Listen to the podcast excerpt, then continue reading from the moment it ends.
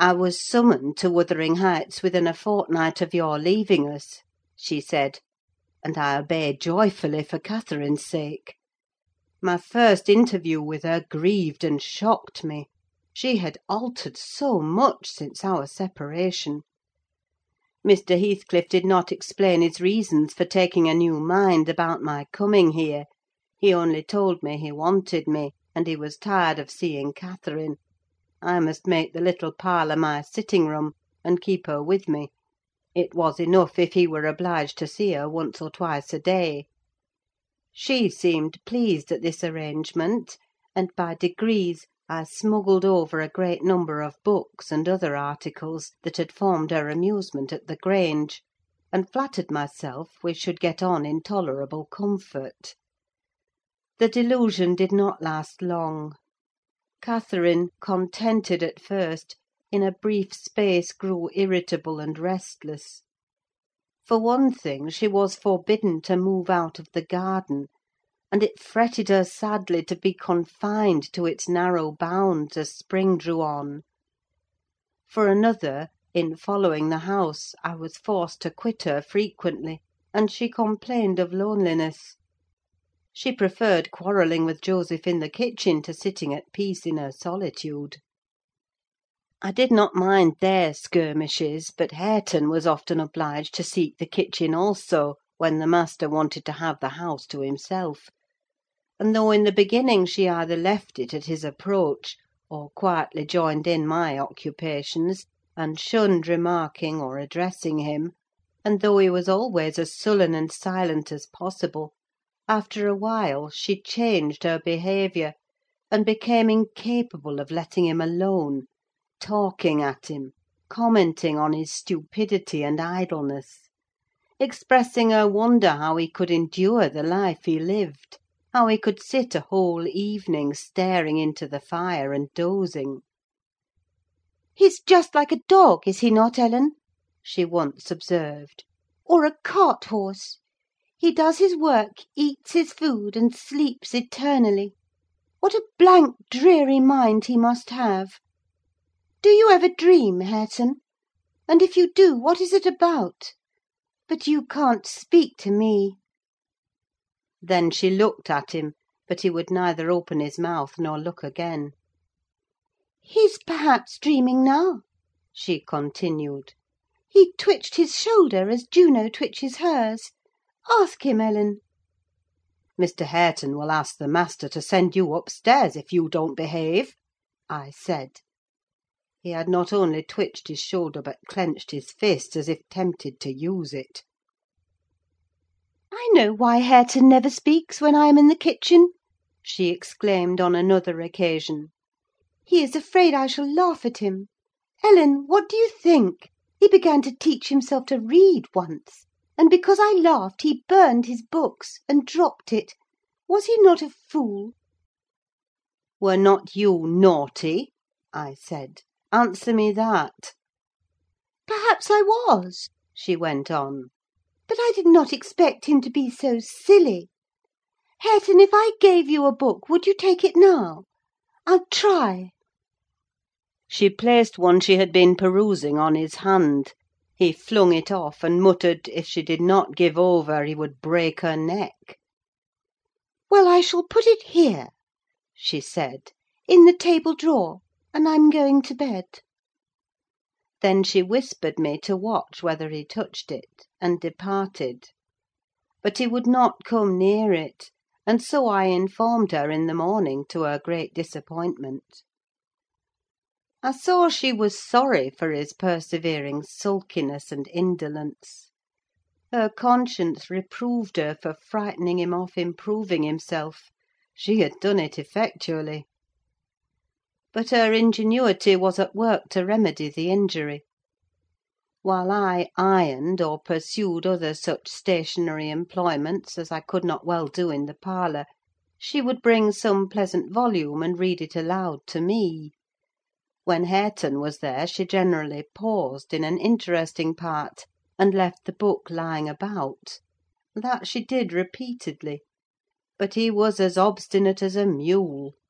And instead of snatching at her bait, in wet weather he took to smoking with Joseph, and they sat like automatons, one on each side of the fire; the elderly happily too deaf to understand her wicked nonsense, as he would have called it; the younger doing his best to seem to disregard it.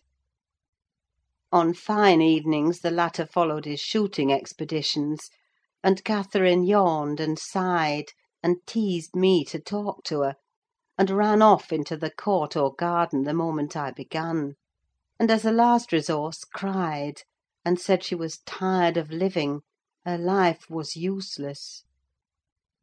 Mr. Heathcliff, who grew more and more disinclined to society, had almost banished Earnshaw from his apartment. Owing to an accident at the commencement of March, he became for some days a fixture in the kitchen. His gun burst while out on the hills by himself; a splinter cut his arm, and he lost a good deal of blood before he could reach home. The consequence was that, perforce, he was condemned to the fireside and tranquillity till he made it up again. It suited Catherine to have him there; at any rate, it made her hate her room upstairs more than ever, and she would compel me to find out business below, that she might accompany me. On Easter Monday, Joseph went to Gimmerton Fair with some cattle and in the afternoon I was busy getting up linen in the kitchen.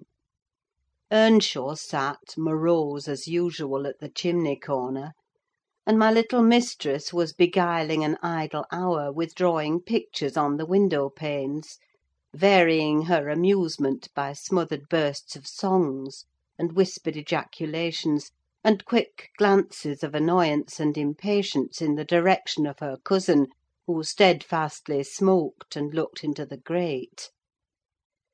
At a notice that I could do with her no longer intercepting my light, she removed to the hearthstone. I bestowed little attention on her proceedings; but presently I heard her begin— "I've found out, Hareton, that I want—that I'm glad—that I should like you to be my cousin now, if you had not grown so cross to me and so rough." Hareton returned no answer. "Hareton! Hareton! Hareton! do you hear?" she continued. "Get off with ye!" he growled, with uncompromising gruffness. "Let me take that pipe," she said, cautiously advancing her hand, and abstracting it from his mouth. Before he could attempt to recover it, it was broken and behind the fire. He swore at her, and seized another. "Stop!" she cried. "You must listen to me first; and I can't speak while those clouds are floating in my face." "Will you go to the devil!" he exclaimed ferociously, "and let me be?" "No," she persisted, "I won't. I can't tell what to do to make you talk to me, and you are determined not to understand. When I call you stupid, I don't mean anything: I don't mean that I despise you. Come, you shall take notice of me, Hareton. You are my cousin, and you shall own me." "I shall have naught to do with you and your mucky pride, and your damned mocking tricks," he answered. I'll go to hell, body and soul, before I look sideways after you again. Side out o' gate, now, this minute!" Catherine frowned, and retreated to the window seat, chewing her lip, and endeavouring, by humming an eccentric tune, to conceal a growing tendency to sob. "You should be friends with your cousin, Mr. Hareton," I interrupted, "since she repents of her sauciness. It would do you a great deal of good: it would make you another man to have her for a companion." "A companion!" he cried. "When she hates me, and does not think me fit to wipe her shoon! Nay, if it made me a king, I'd not be scorned for seeking her good will any more." "It is not I who hate you: it is you who hate me!" wept Cathy, no longer disguising her trouble. You hate me as much as Mr. Heathcliff does, and more!" "You're a damned liar!" began Earnshaw. "Why have I made him angry by taking your part, then, a hundred times? And that when you sneered at and despised me, and— Go on plaguing me, and I'll step in yonder and say you worried me out of the kitchen."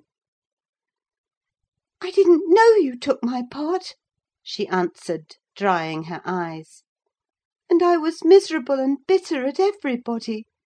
But now I thank you, and beg you to forgive me. What can I do besides?" She returned to the hearth, and frankly extended her hand. He blackened and scowled like a thunder cloud, and kept his fists resolutely clenched, and his gaze fixed on the ground. Catherine, by instinct, must have divined it was obdurate perversity, and not dislike, that prompted this dogged conduct; for, after remaining an instant undecided, she stooped, and impressed on his cheek a gentle kiss. The little rogue thought I had not seen her, and drawing back, she took her former station by the window, quite demurely. I shook my head reprovingly, and then she blushed and whispered, "Well, what should I have done, Ellen? He wouldn't shake hands, and he wouldn't look.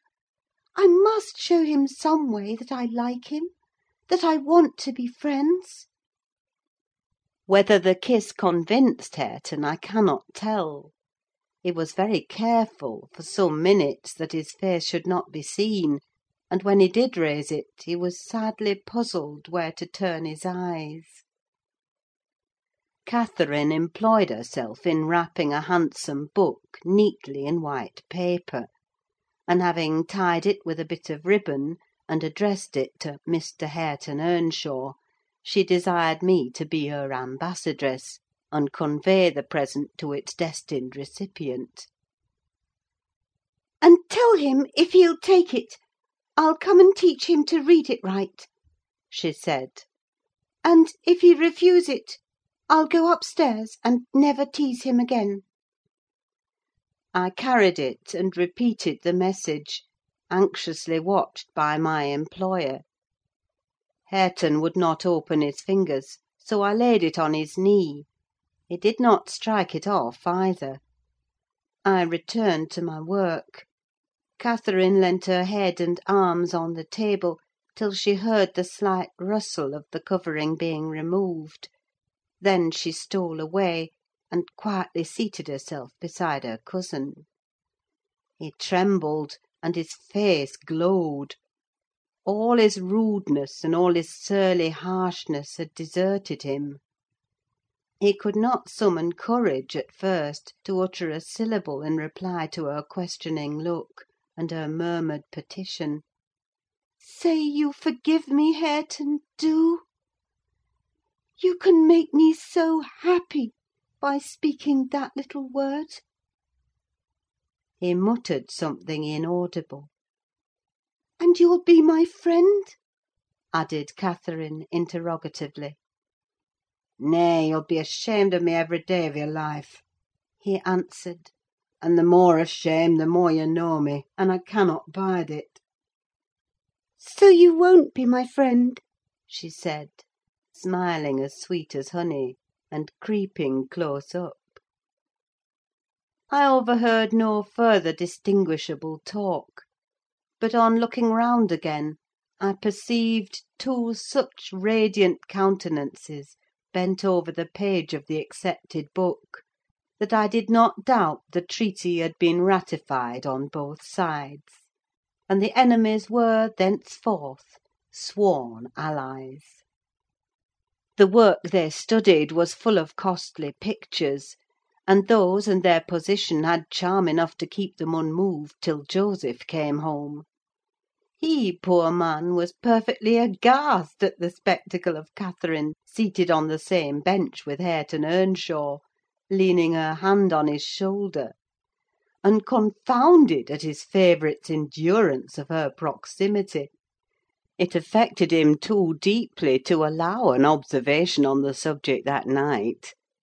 His emotion was only revealed by the immense sighs he drew as he solemnly spread his large Bible on the table, and overlaid it with dirty bank notes from his pocket book, the produce of the day's transactions.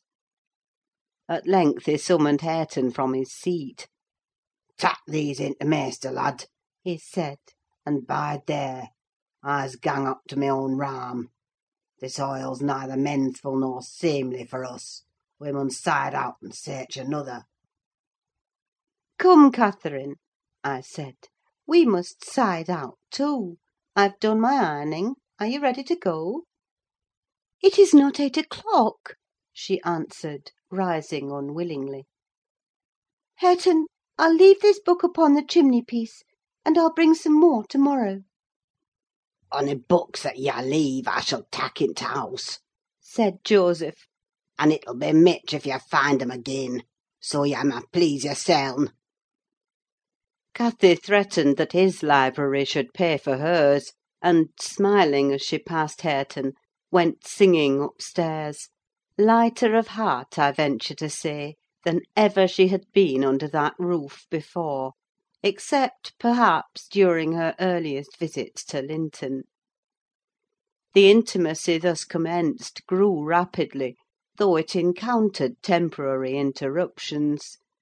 Earnshaw was not to be civilised with a wish; and my young lady was no philosopher, and no paragon of patience.